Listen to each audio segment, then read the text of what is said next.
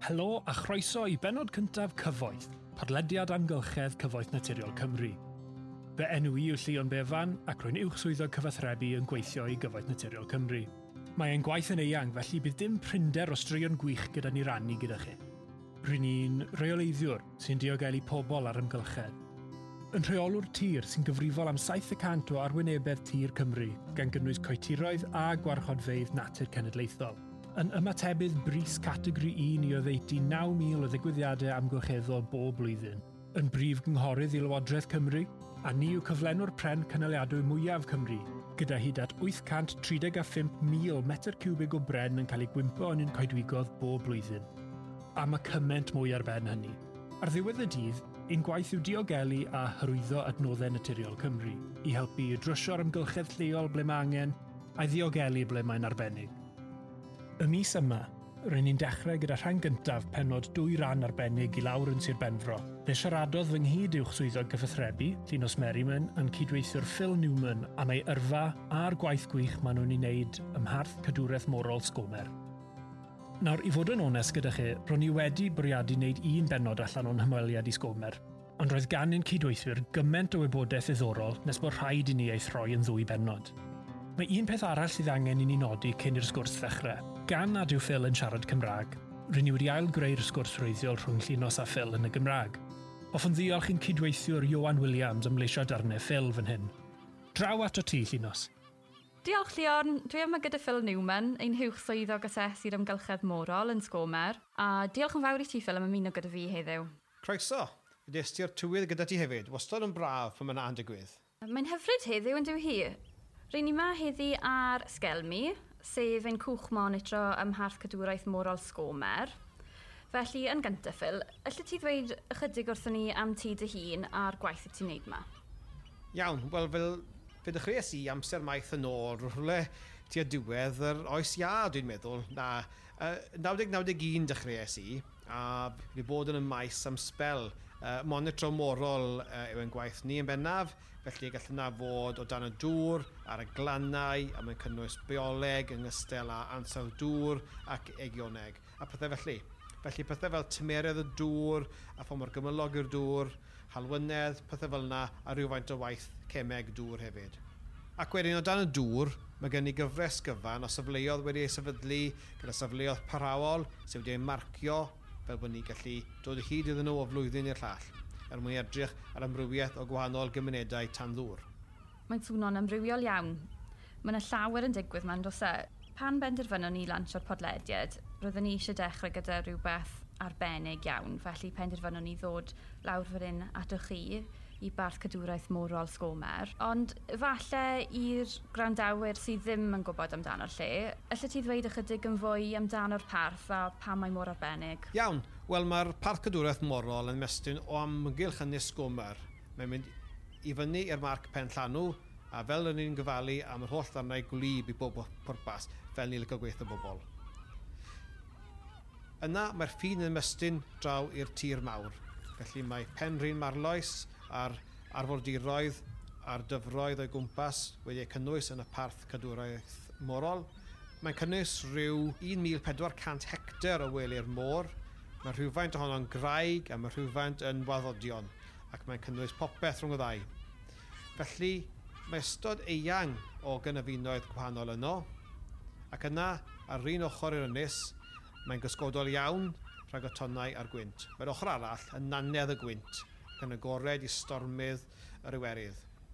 Ac wedyn, mae gen ni amrediad llanw 7 metr ar ben hynny, felly mewn rhai mannau mae cyryntau cryf iawn, mewn mannau eraill pryn fod unrhyw geraint o gwbl. Felly, erbyn i chi ystyried yr holl amrywiad a chyfyniadau hynny, mae nifer o canafinoedd gwahanol sydd yma'n rhyfeddol am un darn bach o Wely'r Môr. Ac wrth gwrs, rydyn ni'n gweld yr holl gwahanol gymunedau anifeiliaid a planhigion sydd wedi addasu i'r holl ganafinoedd gwahanol yni. Felly mae amrywiaeth y cymunedau hynny'n anhygoel, a dyna'r reswm iddo cael ei ddewis yn y lle gyntaf nôl yn 1990. Dyna pryd cafodd ei ddynodi'n warchodfa natur forol statudol, ond hon broses oedd wedi bod ar warth ers rhyw 20 mlynedd cyn hynny, ond mae safle wedi bod yn adnabyddus eriod, fel safle a lefel uchel iawn o feio amrywiaeth sy'n hynod diddorol. Mae'n swno fel bod llawer o waith wedi digwydd i greu'r hyn sydd yma heddiw. Os unrhyw rywogaethau penodol yma sydd yn arbennig iawn i'r lle? Wel, rhan o harddwch sgwmar yw bod ar gyrion dosbarthiad llawer o rywogaethau. Felly mae rai pethau fel y môr wyntill binc sydd, os ewch chi o ymellach i fyny'r gogledd y rhyd o fod y Cymru yn prynhau. Felly dyma'r cadarnle olaf mewn ffordd i lawr yn neo-llewn Lloegr a llaw arall, maen nhw'n gyffredin tu hwnt, felly rydyn ni ar ymyl eithaf y rhywogaeth fan hyn. Ac yna mae rhai rhywogaethau gogleddol rydyn ni yn y parth lle mae'r ddain gorgyffwrdd, felly mae hynny helpu i wella'r biomrywiaeth hefyd ond mae'n golygu gyda'r newid yn y hinsawdd ein bod mewn sefyllfa dda yma i weld a yw hynny'n effeithio ar rai o'r cymunedau morol hefyd, oherwydd yn amlwg y bydd y ffin honno'n simsanu mewn rhyw ffordd neu gilydd. Mae cymaint o waith yn cael ei wneud mae trwy'r flwyddyn. Sut ych chi'n llwyddo i wneud y cyfan? Wel, mae pedwar ohono ni yn y tîm, uh, Pica Ym Sgomer, dau amser llawn a dau sy'n rhan amser, felly dydy ni ddim yn weithwyr rhan amser i ddechrau ac i ffurfio tîm deifio rhaid i ni cael pedwar deifwr sydd â chymwysterau masnachol. Felly, rydyn ni'n treulio gymaint o'r tywydd da, sef yn fras o ddechrau mis ebryll i diwedd mis Medi, allan o'r y dŵr, neu o dan y dŵr, neu ar y glynau yn bwrw ymlaen â'n gwaith. Ond yn amlwg, mae angen amser i ffwrdd ar bobl, mae angen gwyliau, mae weithiau angen iddyn nhw i weld eu tylioedd. Felly, pan fi'n o'r tîm i ffwrdd yn amlwg, mae'n golygu na all tîm deifio weithio gyda dim ond tri o bobl. Felly, pri hynny, mae gen i gronfa o wirfoddolwyr sy'n chymwysterau addas. Mae ganddyn nhw'r holl gymwysterau deifio masnachol neu rhai cyfatebol ac maen nhw'n dod all allan i greu tîm llawn heb ydyn nhw yn sicr eleni rydyn ni wedi cael problemau gyda rhai aelodau staff y methu gweithio, fyddwn ni ddim yn gallu gwneud unrhyw beth. Felly mae'r deifwyr gwirfoddol sy'n helpu ni fel rhan o'r tîm yn eithradol o bwysig. Ac yna mae gennym ni prosiectau eraill sy'n rhy fawr i'n tîm bach ni, yn neud a pen ei hunain, sef pethau fel edrych ar ein poblogaeth warchodedig o gregin bylchog. Mae angen i ni archwilio canodd o fetrau sgwar o wely'r môr wrth wneud yr arlygon ar gyfer hynny. Felly, dyna lle mae ein tîmau o ddeifwyr gwirfoddol yn gallu helpu.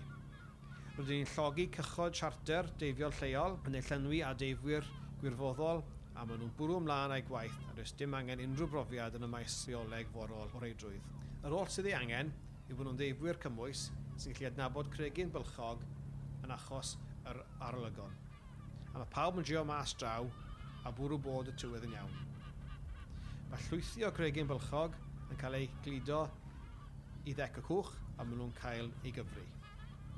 Maen nhw gyd i cael eu mesur a mae ganddyn nhw gylchoedd twf fel coeden ar y gragen. Felly gallwn ni cyfri'r cylchoedd twf a chael ystadegau pwysig iawn a ba mor hen i'r poblogaeth a pob oedran sydd.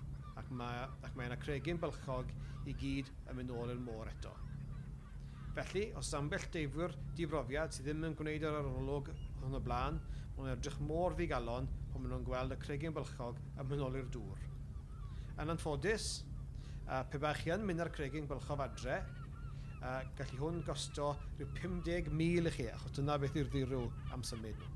Mae'n swnio fel bod chi a'r deifwyr i gyd yn cael amser gwych ma. Ydy'r un deifwyr yn dod nôl bob blwyddyn neu oes cymysgedd o bobl newydd bob tro? Wel, ie, yeah, ni yn gweld lot yr un bobl pob blwyddyn. Uh, ond uh, ein prosiect gyntaf a deifwyr gwirfoddol oedd arlygu'r gwely o wellt y gamlas y North Haven sydd y tu ôl i ni fan hyn. Rydyn ni wedi clymu i'r angorfeidd, ar ymwelwyr, sy'n helpu i ni ddiogelu'r gwely hwn i atal bobl rhag, rhag angori ynddo oherwydd bod hynny yn ddifrodi. Ond pe bai ni'n trio arlygu'r gwely yna ein hunain, byddai'n cymryd trwy'r flwyddyn gyda'r tîm bach ni. Felly, nôl yn 1997, dwi'n meddwl, digwyddodd arolwg cyntaf fel fel arbrawf mewn gwirionedd i weld allan ni defnyddio deifwyr gwirfoddol a nawr mae'r un bobl yn dod nôl flynyddoedd yn ddiweddarach ac yn mynnu dod nôl pob blwyddyn. Gwych, cymaint o waith yma. Felly, bron i flwyddyn i gwblhau un math o brosiect monitro gyda'r tîm bach. Ydy'r tymor yn effeithio ar ba fath o waith sy'n digwydd? A ydy fe'n amrywio o gwbl? Yn bendant. Uh, felly, yn y tymor tywydd da, ac eto, does dim dal sut y tywydd o flwyddyn i flwyddyn, rydw i'n gwneud holl waith o dan y dŵr, unrhyw beth lle mae angen cychod i, i, i wneud y gwaith. Ac yna tua'r hydre, le mae'r lloer morlon cyrraedd, a, ac mae hyd o ddat o ddeiti 400 o loi yn cael ei geni o fewn y parth cadwraeth morol, ac mae tua threian o rheini'n cael ei geni a dreithau tir mawr. Felly, Ond swyddfa yn Martin Seven, gallwn ni gerdded allan ar hyd y glogwyni a chadw cyfri o loi morlo pob ychydig dyddiau. Ond yn amlwg ar ynys, mae'n dasg llawer mwy. Felly, mae hynny'n cael ei gontractio allan i ni yn ystod y blynyddoedd dwethaf gan yr ymddiriolaeth natur sydd â wardeniad yn byw ar yr ynys, felly maen nhw'n gallu gwneud y gwaith hwnnw i ni. Ond un o fanteision y ffaith bod y tîm wedi leoli yn Martin Seven a bod ein cychod wedi hangori yn Martin Seven yw bod wastod ffenestr dywydd dda waith beth naeth rhagolygon y tywydd ei addo i ni. Os yw'n wahanol i hynny, gallwn ni fynd allan ar unwaith a bwrw mlaen a rhywfaint o waith. Felly mae'r amser segur yn gyfnedig iawn oherwydd gallwn ni gymryd y cyfle hwnnw'n gyflym iawn. Os na ddiben penodol at y holl ddatach bod chi'n casglu yma, mae nifer o ddibenion ar gyfer y gwaith monitro, fel y gwaith monitro ymwelwyr ac ymwelwyr hamdden rydyn ni'n wneud, sydd bron yn unigryw yn y Deyrnas Unedig. Does neb yn y casglu'r math hwnnw o wybodaeth yn, yn unman arall, a hyd yn oed gyda dwysedd bysgota, gallwn ni ddweud yr un peth am, am hynny. Felly mae darnau o data yn cael ei defnyddio ar gyfer gwahanol fathau o yrwyr bolisi ond diben cyffredinol ein gwaith monitro yw gallu adrodd ar statws y safle ei hun, a mae'r ffaith bod y parth cadwraeth morol yn ynghanol ardal cadwraeth arbennig forol Sibenfro yn golygu y gallwn ni hefyd gyfrannu at adrodd ar y safle hwnnw ac mae'r llawer o'r data yn mynd tuag at hynny hefyd. Felly mae sawl defnydd, a fel dwedodd un o'n uh, cydweithwyr Catherine Daigen, samplwch unwaith a defnyddiwch sawl gwaith ar gyfer data sy'n eithaf anodd i gasglu. Dwi'n gallu clywed pobl yn y cefndir am y cychod ym hobman yma.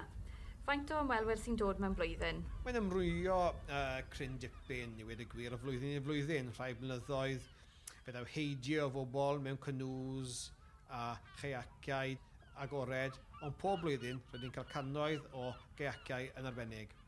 Mae rhai o grwpau yn geiaciau dan arweiniad masnachol yn dod allan o Martins Heaven, ac yn cychwyn oddi yno a gallen nhw fynd o amgylch yr ynys ac yn ôl eto. Felly, gallai fod yn dwsyn neu fwy o geaciau mewn grŵp fel yna, ond gyda thywyswyr proffesiynol, ac mae gennym ni berthynas waith dda iawn gyda'r tywyswyr proffesiynol, fe wnaeth un hon nhw roi llafa newydd ar un o'r rwyfau ein dingyn i am ddim, chwarae teg, felly ie, perthynas waith dda. Wedyn mae gennym ni pysgotwyr sawl deifiwr Roedd milodd a milodd o ddeifwyr yn arfer do allan, ond am ryw reswm, mae'r niferoedd hynny wedi lleihau. Mae poblogrwydd gwyliau tramor wedi cyfrannu at hynny, siwr o fod. Rydych chi'n sicr o cael ymodau cynnes braf gyda tŵr, dŵr clir tramor, a does dim gwarant ar hynny yn Sir Benfro. Ond yn ystod Covid, rydyn ni wedi gweld llawer mwy o deifwyr lenni na mewn blynyddoedd blaenorol. Rydyn ni'n llwyddo i denw nhw eto.